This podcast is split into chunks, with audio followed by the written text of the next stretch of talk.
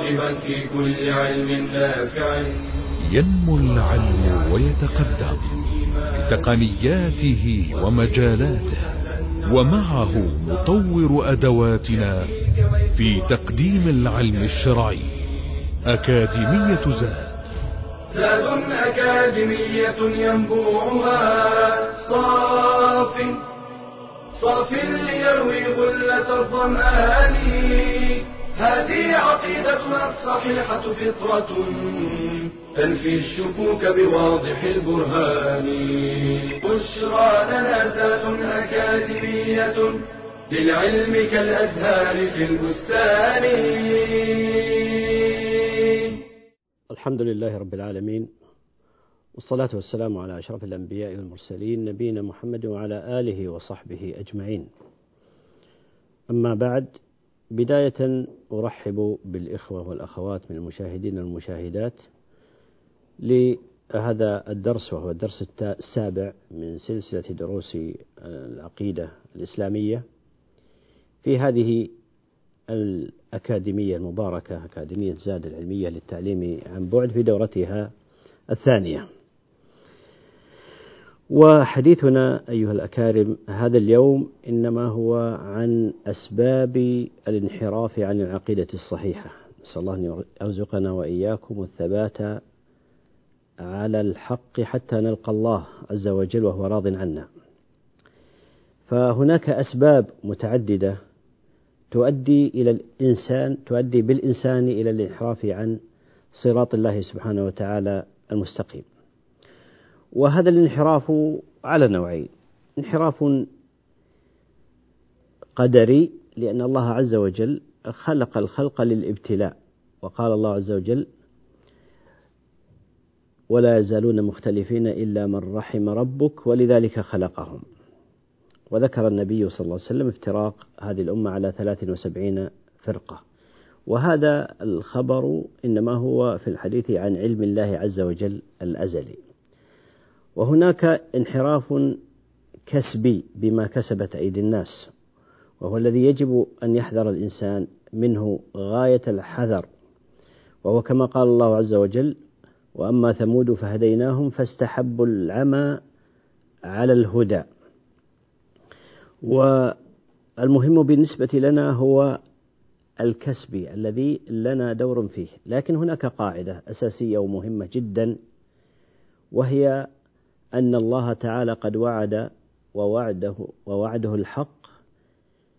وعد بماذا؟ قال الله عز وجل والذين جاهدوا فينا لنهدينهم سبلنا وإن الله لمع المحسنين. فإذا بذل الإنسان جهده وطاقته ووسعه في البحث عن الهداية والاستقامة على دين الله عز وجل فإن الله لا يخذله أبدا. وهذا وعد الله. والذين جاهدوا فينا لنهدينهم سبلنا. وإنما الزيغ والانحراف والضلال إنما هو بما كسبت أيدي الناس. قال الله تعالى فلما زاغوا أزاغ الله قلوبهم. نسأل الله العافية والسلامة. والانحراف عن العقيدة السوية الفطرية المستقيمة أسبابه تنحصر في أمرين. وقد ذكرهم الله سبحانه وتعالى في عدة آيات. الأول إما أن يكون بسبب فساد في العلم كأن يكون العلم مبنيا على جهل وعدم يقين وإما أن يكون بسبب فساد في الإرادة والقصد والنية. وقد جمع الله سبحانه وتعالى بين هذين السببين مشيرا إليهما في قوله عز وجل إن يتبعون إلا الظن وهذا هو الفساد في العلم. وما تهوى الأنفس وهذا هو الفساد في القصد والنية والإرادة. وقال تعالى أيضا مخاطبا نبيه عليه نبيه داود عليه وعلى نبينا أفضل الصلاة وأتم التسليم في قوله عز وجل يا داود إنا جعلناك خليفة في الأرض فاحكم بين الناس بالحق ولا تتبع الهوى. بالحق أي بالعلم ولا تتبع الهوى. فلا يكون الحكم عن جهل ولا عن هوى وفساد في القصد والنية. ولذا نفى الله عز وجل عن نبيه صلى الله عليه وسلم هذين السببين الرئيسين في الفساد.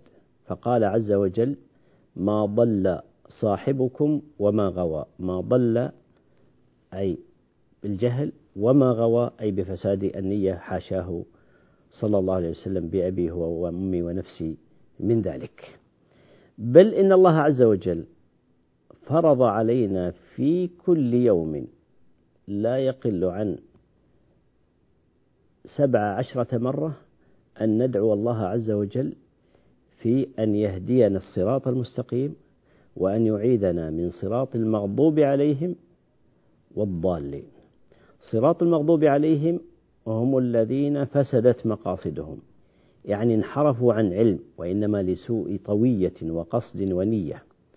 والضالون هم الذين فسدوا لفساد علمهم عن جهل ضلوا لجهلهم. يمثل المغضوب عليهم يهود لأنهم كانوا يعرفون الحق فجانبوه لفساد نيتهم. ويشابههم من فسد من علمائنا الذين عرفوا الحق فجانبوه. والضالون يمثلهم النصارى لأنهم عبدوا الله على جهل فضلوا. ويشاركهم في هذه السمة العباد من هذه الأمة الذين عبدوا الله عز وجل عن جهل وبغير بصيرة. فلذلك أمرنا الله سبحانه وتعالى في كل في فاتحة الكتاب التي فرضها الله في كل ركعة من صلاتنا أن نستعيذ من طريق المغضوب عليهم ومن الضالين. ولذلك جاء عن سفيان الثوري وجاء عن ابن المبارك وغيره من السلف قال من فسد من علمائنا ففيه شبه من يهود لأنهم عن علم انحرفوا. ومن فسد من عبادنا ففيه شبه من النصارى لأنهم عن جهل ضلوا. نسأل الله العافية والسلامة. فلا فعلى كل الانحراف عن العقيدة يعود في جملته إلى إما أن يكون سبب هذا الانحراف هو الفساد في العلم فأن يكون عن جهل وإما أن يكون سبب الفساد الانحراف في الفساد فساد النية والعياذ بالله.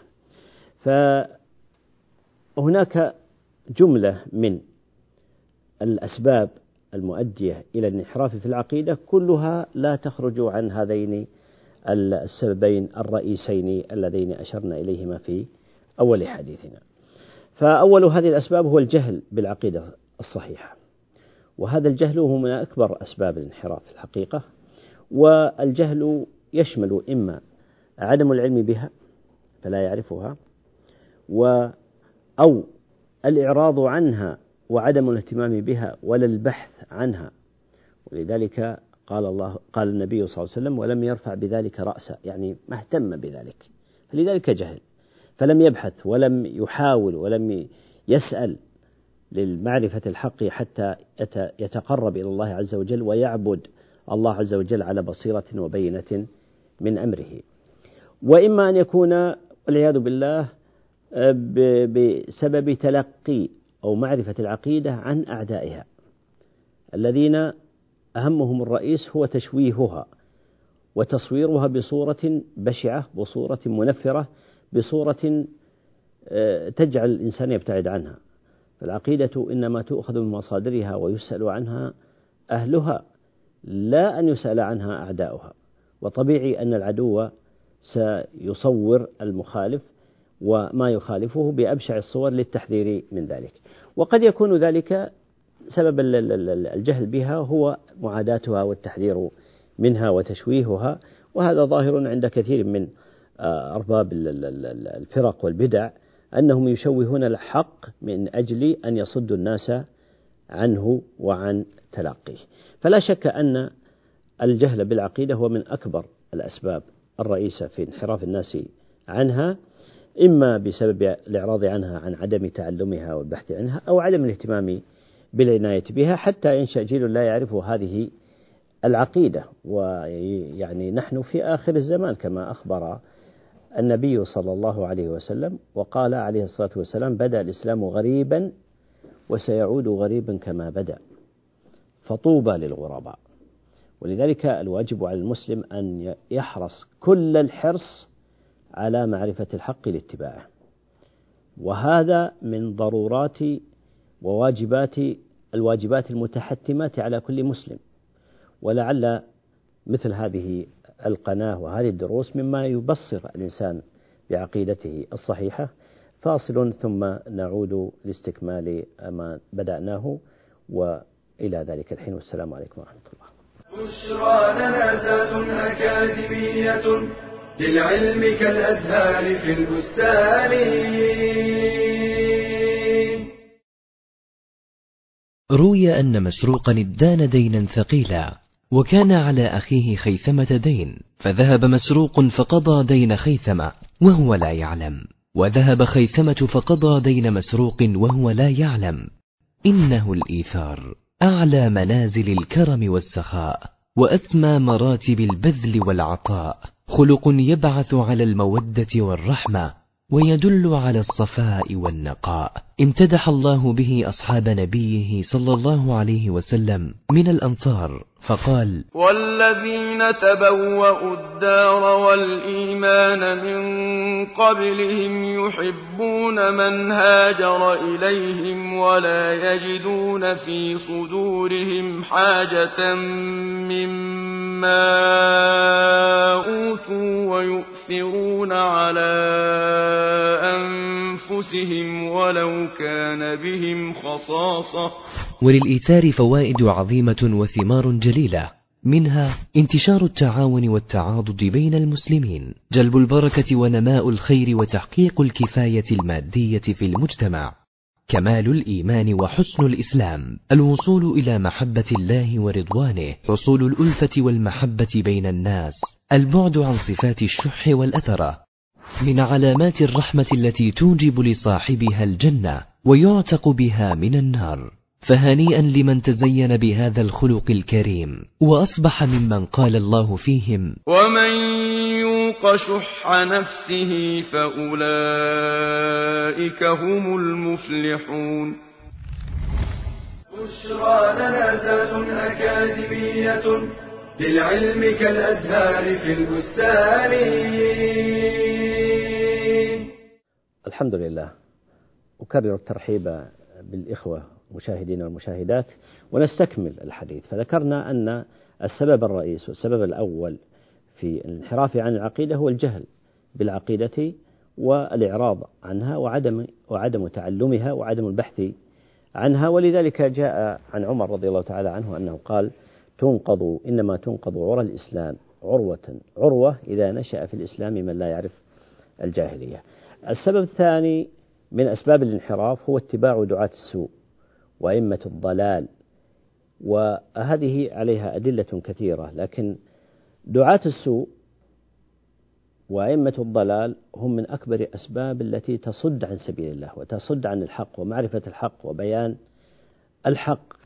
ودعاة السوء يشمل إبليس العدو أعاذنا الله وإياكم جميعا منه ويشمل شياطين الإنس والجن الذين الذين يوحي بعضهم إلى بعض زخرف القول غرورا ويشمل النفس الأمارة بالسوء.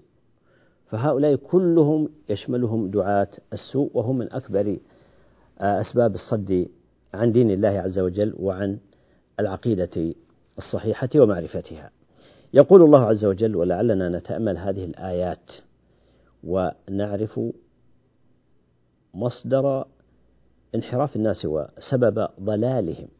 يقول الله عز وجل وقوله الحق وكذلك جعلنا لكل نبي وكذلك بالنسبة لوراثة الأنبياء العلماء وكذلك جعلنا لكل نبي عدوا شياطين الإنس والجن ونلاحظ أن الله قدم شياطين الإنس على شياطين الجن لأثرهم وخطورتهم.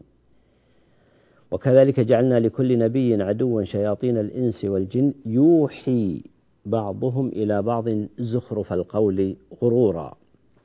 يوحي وهو بالهمس التأثير والكلام الهادئ الخفي وهذا يدل على الخطورة. يوحي بعضهم إلى بعض زخرف القول غرورا الكلام المزخرف المموه الذي ينطلي على سامعه ويجذب سامعه إليه وإن كان من الباطل غرورا. ولو شاء ربك ما فعلوه فذرهم وما يفترون. ولتصغى إليه أفئدة الذين لا يؤمنون بالآخرة. هناك سماعون لهم. ولتصغى إليه من هم الذين يصغون إليهم؟ الذين ضعف الإيمان في قلوبهم. ومن ذلك الإيمان بالآخرة ولقاء الله عز وجل. ولتصغى إليه أفئدة الذين لا يؤمنون بالآخرة وليرضوه وليقترفوا. ما هم مقترفون؟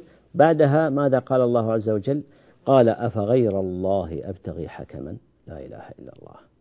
أفغير الله أبتغي حكما وهو الذي أنزل إليكم الكتاب مفصلا. لم يترك لكم عذر ولا حجة. والذين آتيناهم الكتاب يعلمون أنه يعلمون أنه منزل من ربك بالحق. يعلمون أن هذه العقيدة وهذا الدين أنه منزل من أين؟ من ربك سبحانه وتعالى. ومنزل بماذا؟ بالحق. نعم. فلا تكونن من الممترين فلا يبقى في نفسك وفي قلبك شك وامتراء ومرية مما نزلنا إليك. فلا قال فلا تكونن من الممترين. ثم ختم الآية الآيات بقوله وتمت كلمة ربك صدقا وعدلا. صدقا في أحكامه وشرائعه. وعدلا صدقا في أخباره وما أخبرنا الله سبحانه وتعالى به من هذا الدين وعدلا في أحكامه وشرائعه. قال لا مبدل لا مبدل لكلمات الله وهو السميع العليم. فهذه الآية تبين خطورة أعداء هذا الدين ووسائل هؤلاء الأعداء في وصولهم إلى إفساد عقائد الناس وصرفهم وحرفهم عن دين الله سبحانه وتعالى. النصوص في هذا المعنى كثيرة، قال الله عز وجل الدالة على خطورة أئمة السوء والفساد ودعاة الضلالة، قول الله عز وجل من ذلك: وجعلناهم أئمة يدعون إلى النار. كما أن هناك أئمة يدعون إلى الجنة فهناك أئمة يدعون إلى النار ويوم القيامة لا ينصرون. وجاء في حديث حذيفة رضي الله تعالى عنه قال قال رسول الله صلى الله عليه وسلم يكون دعاة على أبواب جهنم. كما أن هناك دعاة على أبواب الجنة فهناك دعاة على أبواب جهنم. من أجابهم من أجابهم إليها قذفوه فيها والعياذ بالله. قال حذيفة رضي الله تعالى عنه وهو الحريص وهو فقيه للفتن والحريص على السؤال عن الشر مخافة أن يقع فيه ليحذره. قال قلت يا رسول الله صفهم لنا قال هم قوم من جلدتنا يتكلمون بألسنتنا. وهذه المصيبة. وهؤلاء هم المصيبة. أنهم يكونون من جلدتنا منا نعرفهم ويعرفوننا ويتكلمون بلساننا. وهذا هو مصدر الخطر والعياذ بالله. والحديث هذا والكلام فيه يطول. وهذا ما نراه اليوم عيانا ممن ينتسبون إلينا وإلى بلداننا وإلى جنسياتنا ويتكلمون بألسنتنا وهم دعاة على أبواب جهنم. ولذلك يجب الحذر كل الحذر من أمثال هؤلاء. أيضا جاء في حديث ثوبان رضي الله تعالى عنه قال قال رسول الله صلى الله عليه وسلم إنما أخاف على أم على أمتي من؟ الأئمة المضلين. الأئمة المضلين لشدة خطرهم. والآئمة المضلين في هذا الحديث يشمل الزعماء والوجهاء والعلماء والرؤساء والقادة. الآئمة هو كل من يؤتم به. أخطر ما يكون أن يكون الشخص الذي في مقام الائتمام والتأسي والاقتداء أن يكون من أهل الضلالة. وهذا هو الخطر. فلذلك قال إنما أخاف على أمتي الأئمة المضلين. الذين هم في مقام الائتمام والاقتداء والتأسي ومع ذلك يكونوا من أئمة الضلالة والعياذ بالله. وجاء أيضا في حديث عبد الله بن عمرو بن العاص رضي الله تعالى عنهما قال سمعت رسول الله صلى الله عليه وسلم يقول إن الله لا يقبض العلم انتزاعا من صدور الرجال ينتزعه من العباد وإنما ولكن يقبض العلم بقبض العلماء. فإذا لم يبق عالما اتخذ الناس رؤوسا جهالا. فأفتوا فسئلوا فأفتوا بغير علم فضلوا وأضلوا والعياذ بالله. وهذا الحديث من الأحاديث الدالة على ضرورة وحتمية التفقه في دين الله عز وجل. لينجو الإنسان ليحذر. نحن بلا شك أننا في آخر الزمان. فيخشى الإنسان أن يظهر ويبرز ويظهر ويبرز القنوات وفي الصدارة. أناس ليسوا أهلا للاستفتاء والإفتاء. فيسألون فيفتون بغير علم فيضلون ويضلون. يفتون بغير علم إما لسوء علمهم لقلة علمهم بجهل وإما لسوء مقاصدهم. بعضهم قد يكون عنده علم لكنه يفتي بما يريد لا بما يريده الله سبحانه وتعالى. أو بما يريده الناس لا بما يريده الله عز وجل. أو بما يريده فلان وعلان. فهنا تكمن الخطورة. إن الله لا يقبض العلم انتزاعا ينتزعه من العباد لكن بنزع العلماء موت العلماء وفاة العلماء. فيبقى الناس لا بد لهم من من يستفتون فيتخذ الناس رؤوسا ولم يكونوا علماء كما ذكر في هذا الحديث. فيسألون وهذا طبيعي أن الناس تسألهم. فيفتون لكنه بجهل وعدم علم أو بسوء طوية وقصد فيفتون بغير علم فيضلون ويضلون. هذا كله مما يدل على خطورة المرحلة وضرورة الفقه في دين الله عز وجل يعبد الله الإنسان على بصيرة. قل هذه سبيلي أدعو إلى الله على بصيرة أنا ومن اتبعني. وسبحان الله وما أنا من المشركين. يقول الشيخ المعلم رحمه الله تعالى في كلام النفيس يقول فمن رزقه الله من العامة معرفة عالم من علماء الحق فاقتصر عليه وهجر سماسرة الشبه وأنصار البدع فقد فاز. هناك سماسرة للبدع وأنصار للبدع. هؤلاء من هجرهم وجانبهم والتزم بالراسخين في العلم فقد فاز. فاصل ثم نعود للاستكمال إن شاء الله. إلى ذلك الحين أستودعكم الله. السلام عليكم. بشرى لنا أكاديمية للعلم كالأزهار في البستان.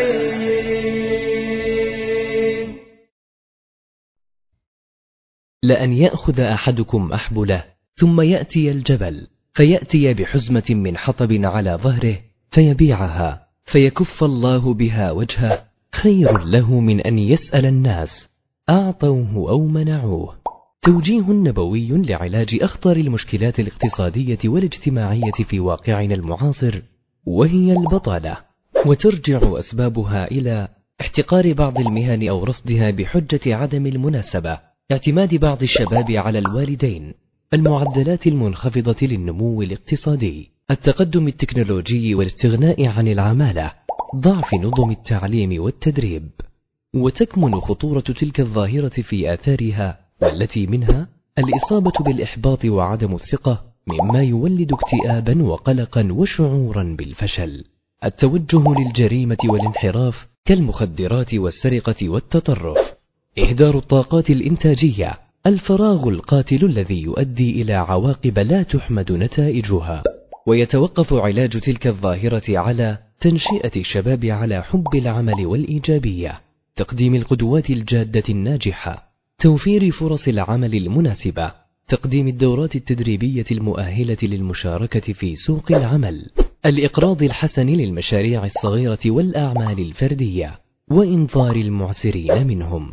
قال رسول الله صلى الله عليه وسلم ما أكل أحد طعاما قط خيرا من أن يأكل من عمل يده.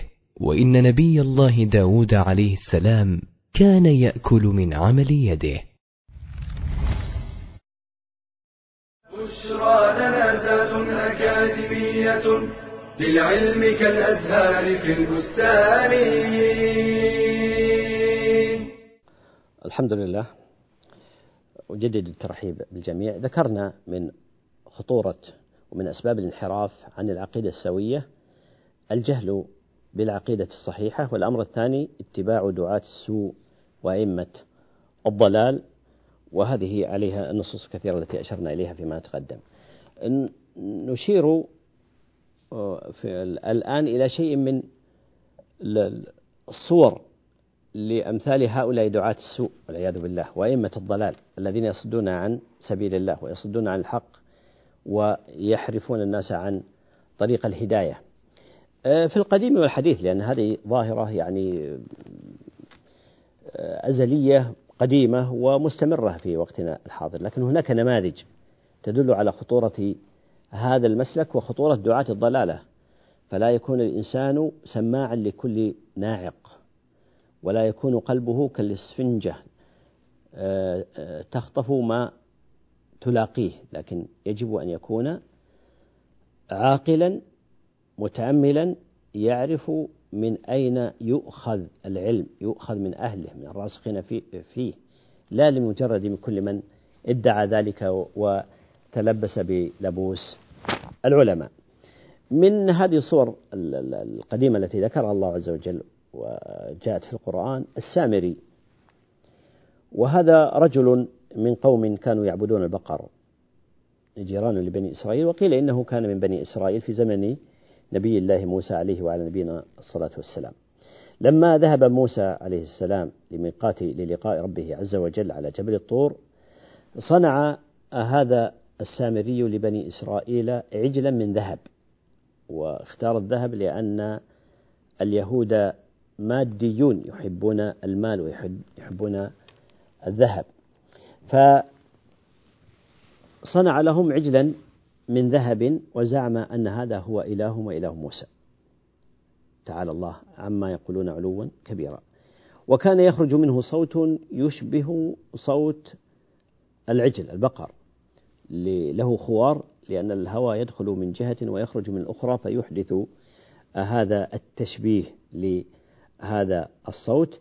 وقد كان بنو إسرائيل حين يرون ذلك يرقصون حوله ويفرحون حتى خدعهم بهذه الخدعة. وهو الذي أضل قوم موسى عليه السلام عن عبادة الله عز وجل وزين لهم عبادة العجل كما ذكر الله سبحانه وتعالى في كتابه العزيز في قوله عز وجل قال فإنا قد فتنا قومك من بعدك وأضلهم داعية السوء هذا وأضلهم السامري.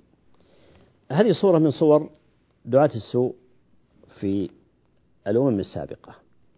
من هذه الصور قصة عمرو بن عامر الخزاعي عمرو بن لحي الخزاعي وهذا كان سيدا في قومه خزاعة وكانت مسيطرة على الحرم ومكة واستمرت آه، خزاعة على ولاية الحرم قرابة الثلاثمائة سنة. هو هذا الشخص هو الذي آه، يعني يعني حرف الناس عن التوحيد الخالص ملة إبراهيم حنيفا الذي جدد بناء البيت إلى عبادة الأصنام. حتى لما جاء النبي صلى الله عليه وسلم ودخل مكة كان حول مكة 360 صنم كلها تعبد من دون الله سبحانه وتعالى في بيت الله الذي أسس على التقوى الذي بني للتوحيد.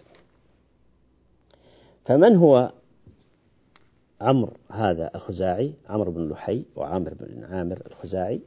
تقول عائشة رضي الله تعالى عنها قالت قال رسول الله صلى الله عليه وسلم رأيت جهنم يحطم بعضها بعضا ورأيت عمرا يجر قصبه أي أمعاءه وهو أول من سيب السوائب. عمرو بن لحي هذا هو أول من أدخل الأصنام إلى مكة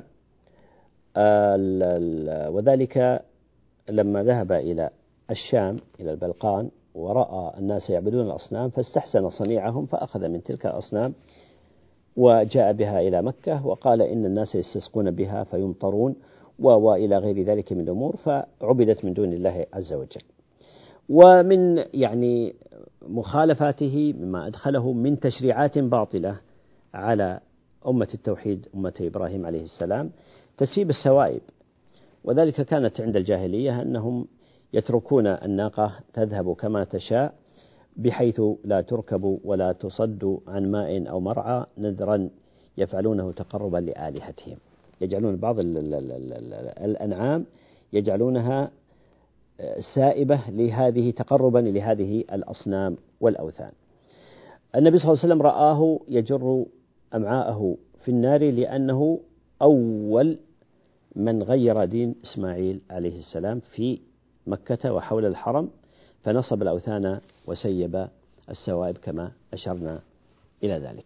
هذا بالنسبة للتاريخ القديم لكن في تاريخنا المعاصر هناك من دعاة السوء وأئمة الضلال من تمتلئ بهم الساحة نسأل الله العافية والسلامة. من هؤلاء كأمثلة دعاة الرفض وولاة الروافض. وهؤلاء خالفوا الإسلام في أصول عظيمة خالفوه في القرآن إما بتحريف ألفاظه وتغييرها وإما بتحريف معانيه. وردوا أحاديث النبي صلى الله عليه وسلم وطعنوا في صحابة رسول الله صلى الله عليه وسلم نقلة هذا الدين. فإذا طعن في النقلة طعن في المنقول لا شك في ذلك بل كفروهم إلا بضع عشرة من أصحاب النبي صلى الله عليه وسلم.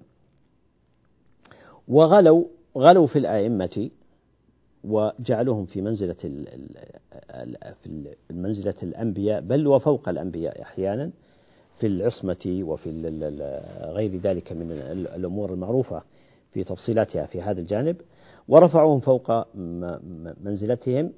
وأيضا غلوا في اتباعهم للمعتزلة الغلاة بالعقل في بعض العقائد فحكموا العقول وجعلوها مهيمنة محكمة على نصوص كتاب الله تعالى وسنة نبيه صلى الله عليه وسلم. فهؤلاء النموذج من الغلاة من دعاة السوء الذين الآن يملؤون الأرض ضجيجا بادعاء محبة آل البيت وهم ألد أعدائهم في الحقيقة. وادعاء نصرة الإسلام وهم سلاح الأعداء في حرب الإسلام. وادعاء تبني قضايا المسلمين وهم الشر من تاريخ الإسلام من أوله إلى اليوم لا يدخل الأعداء إلا عن طريقهم وبسببهم. فالآن حينما نسمع في هنا وهناك الموت لأمريكا والموت لإسرائيل.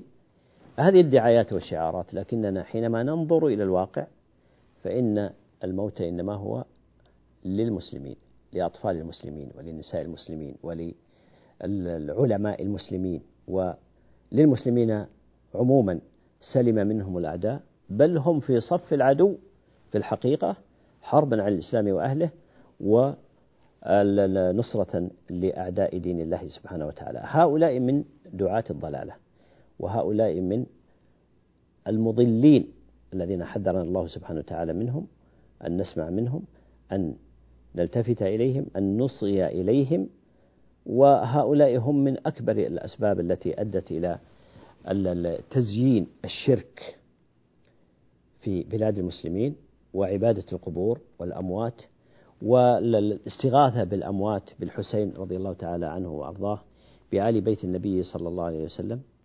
وتقتيل المسلمين بدعوى الثأر للحسين رضي الله تعالى عنه ما ذنب هؤلاء الأطفال والصغار والنساء الذين لا هم لهم ولا ذنب بدعوى الثأر للحسين رضي الله تعالى عنه وهم هم الذين تسببوا في مقتل الحسين رضي الله تعالى عنه كما أثبت التاريخ ذلك لكنه لكنه الإعلام المضلل ودعاة الضلالة الذين يلبسون الحق بالباطل ويصدون الناس عن دين الله عز وجل. فهذه نماذج حية معاصرة نعيشها يجب علينا الحذر منها ومن دعاتها ويجب أن نعرف الحق من مصادره وأن نعرف الحق من أهله وبأهله لا يعرف الحق بالرجال إنما يعرف الرجال بالحق. والحق عليه نور. الحق أبلج كالشمس الظاهرة والباطل لجلج. أعاذنا الله تعالى من ذلك. هذه نماذج ونماذج كثيرة. الواجب على المسلم أن يكون حذرا كل الحذر من الوقوع أو الإصغاء إلى دعاة الضلالة وعلماء السوء وأئمة الضلال في كل زمان ومكان ليسلم قلبه ويسلم دينه وتسلم عقيدته. ختاما انتهت هذه المحاضرة. على أمل أن نلتقي بكم إن شاء الله في محاضرة قادمة. إلى ذلك الحين أستودعكم الله الذي لا تضيع ودائعه. سبحانك اللهم وبحمدك. أشهد أن لا إله إلا أنت. أستغفرك وأتوب إليك. والسلام عليكم ورحمة الله وبركاته. تلك العلوم دروسها ميسورة في صرح علم الراسخ الأركان. بشرى لنا بشرى لنا بشرى لنا ذات أكاديمية للعلم كالأزهار في البستان.